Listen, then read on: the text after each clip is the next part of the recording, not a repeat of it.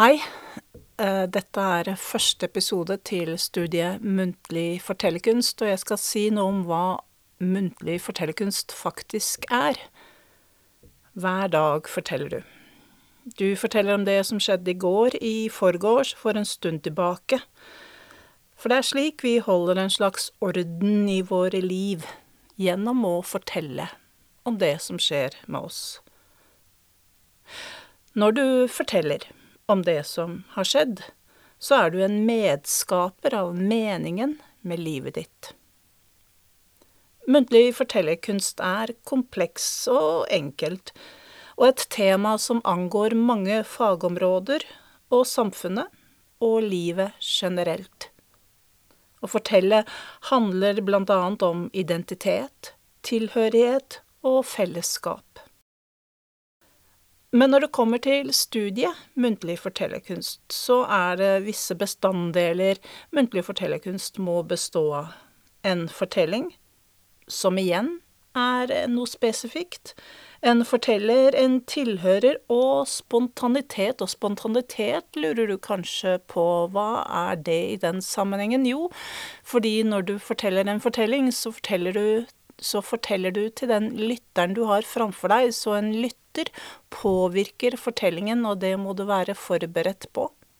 Derfor spontanitet. Du legger fortellingen til rette for den lytteren du har. Samlet danner dette, altså fortellingen, fortelleren, lytteren, spontaniteten, dette danner en slags sosial situasjon med ulike grader av estetisk nærvær. Og det betyr at uh, du kan fortelle helt uformelt sittende på en buss med en venn eller venninne ved siden av deg, til du står på en scene. Og det er jo to ulike estetiske nærvær. En fortelling er naturlig nok sentral når du forteller. Du kan skille mellom historie og fortelling. Du kan tenke på historien som en fortelling som ennå ikke er fortalt. Mange ganger bruker jeg begrepet tradisjonelle fortellinger for å favne et vidt spekter av fortellinger som strekker seg fra vitser til myter. Muntlig fortellerkunst er en kunstform som oppsto på 1970-tallet sammen med andre, nyere scenekunstformer. Likevel forteller vår tids fortellere blant annet såkalte tradisjonelle fortellinger. Folkloristen Henry Glassy hevder at tradisjon er samtidens skapelse av fortiden. Videre at tradisjon er en ressurs for å skape en egen framtid. Tradisjonen har alltid vært revidert i forhold til den tiden den henvender seg til. Tradisjon framstår som et temporalt konsept, hvor fortid, historie og framtid blir blandet.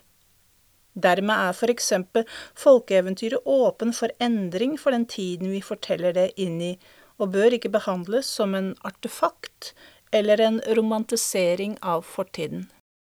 I et upublisert dokument gjør den britiske fortelleren Ben Haggerty et skille mellom to fortellerkonvensjoner som lever side om side i vår samtid.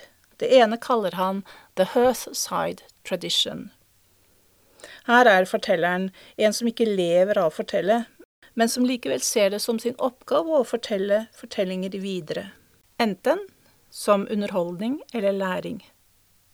Det vil ikke si at denne tradisjonen har mindre status. Det kan være en lærer i et klasserom, eller en bibliotekar som bruker fortellingen aktivt i sitt bibliotekarvirke. Det andre kaller Haggerty for the professional tradition, her er fortelleren et yrke, og Haggerty hevder at begge to konvensjoner finnes i vår samtid. Forskeren So Marla Lewin hevder at muntlig fortellerkunst kan deles i tre kategorier. Formal storytelling, eller formell muntlig fortellerkunst, som jeg velger å kalle det her. Formell muntlig fortellerkunst skiller seg fra spontaneous conversational storytelling, vil si den spontane fortellingen som oppstår i en samtale, og det hun kaller for elicited storytelling, fortelling som hentes fram i for eksempel en intervjusituasjon. Den formelle muntlige fortellerkunsten er gjennomført av en utdannet eller profesjonell forteller for et publikum som vet at de kommer til en fortellerforestilling.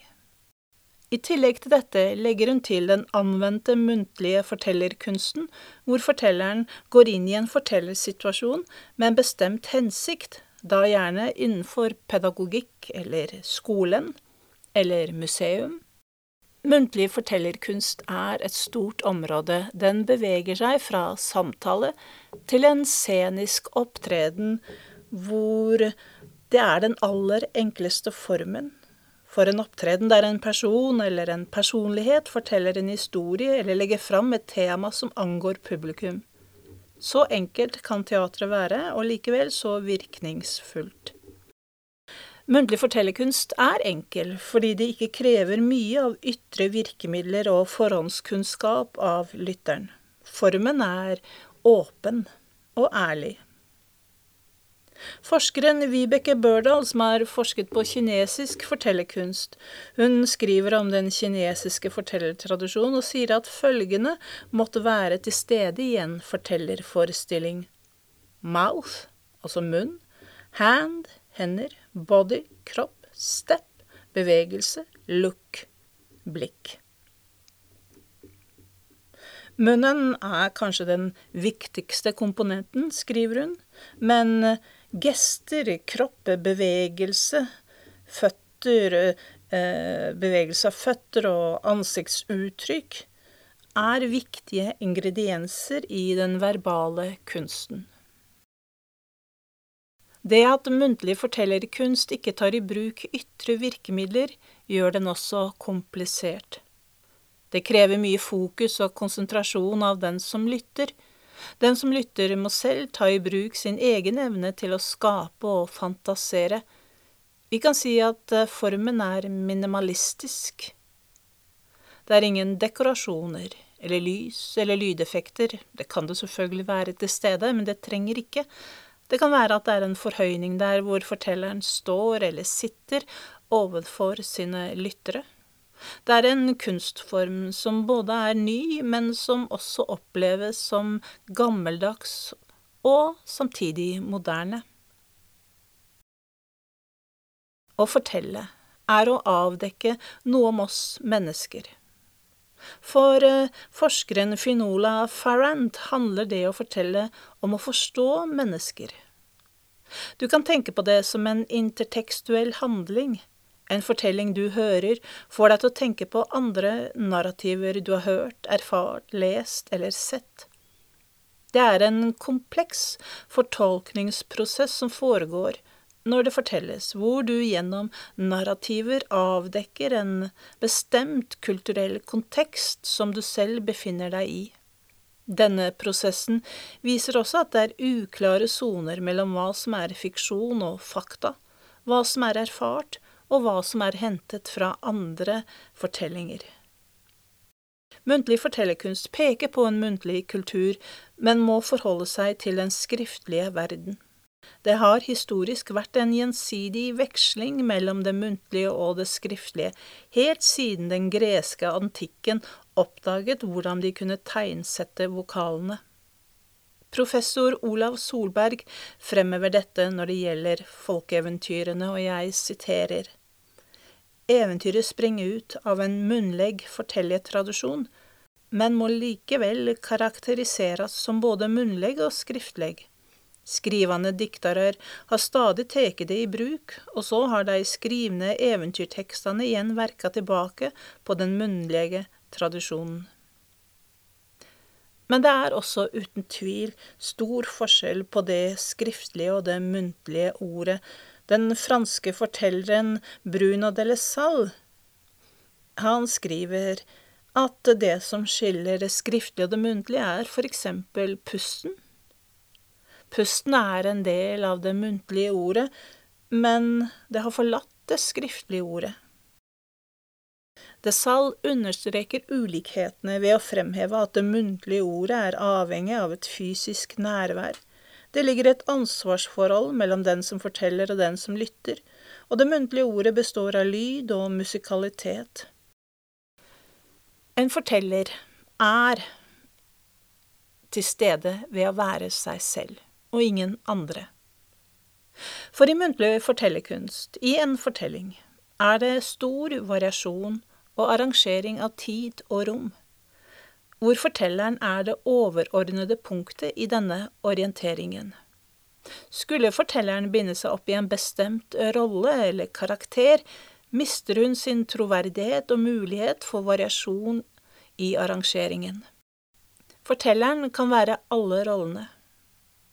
Og møtet mellom forteller og lytter skjer gjennom en identifisering hvor lytteren opplever fortelleren som seg selv.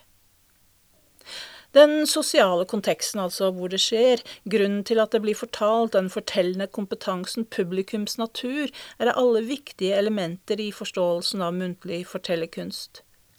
Religionshistorikeren Brita Pollan understreker viktigheten av denne sosiale konteksten i boken Samiske beretninger. Jeg siterer Hun skriver en muntlig fortelling forutsetter, som all kommunikasjon, at dem den er henvendt til, har de nødvendige assosiasjonene. Godt fortalte historier økonomiserer med hva det er nødvendig å fortelle, samtidig som de utbroderer spennende motiv alle gjerne hører om og om igjen. For at en forteller skal nå fram, må det være rom for, og er et felles språk mellom fortelleren og lytteren. Kjennetegn på en vellykket fortelling er at du holder på lytterens oppmerksomhet og interesse. Språket er både verbalt og nonverbalt, det er ord, rytmer, pauser, gester og situasjonsforståelse. Hele fortellervokabulæret bør forstås innenfor en helhetlig kultur. Betingelse for at kommunikasjonen skal lykkes, er at du tar utgangspunkt i det felles grunnlag som situasjonen tilsier. Samtidig skal det legges til rette for at lytteren skal skape sammen med fortelleren. Lytteren skal være aktiv. Det er viktig at kjemien stemmer, fra det aller første møtet før fortellingen, og fortelleren har ansvar for at det er lagt til rette. Den første forutsetningen er at fortelleren vet hvem hun skal fortelle for. Når hun ankommer stedet hvor fortellersituasjonen skal foregå, må hun forholde seg til rommet. Hvordan er rommet? Hvordan bygge opp rommet? Her er det viktig å tenke plassering av lytterne i rommet. Det er fortelleren som må skape det fellesskapet hun trenger for å fortelle. Og forankret i dette fellesskapet kan en fortelling handle om så mye mer enn det synes å handle om.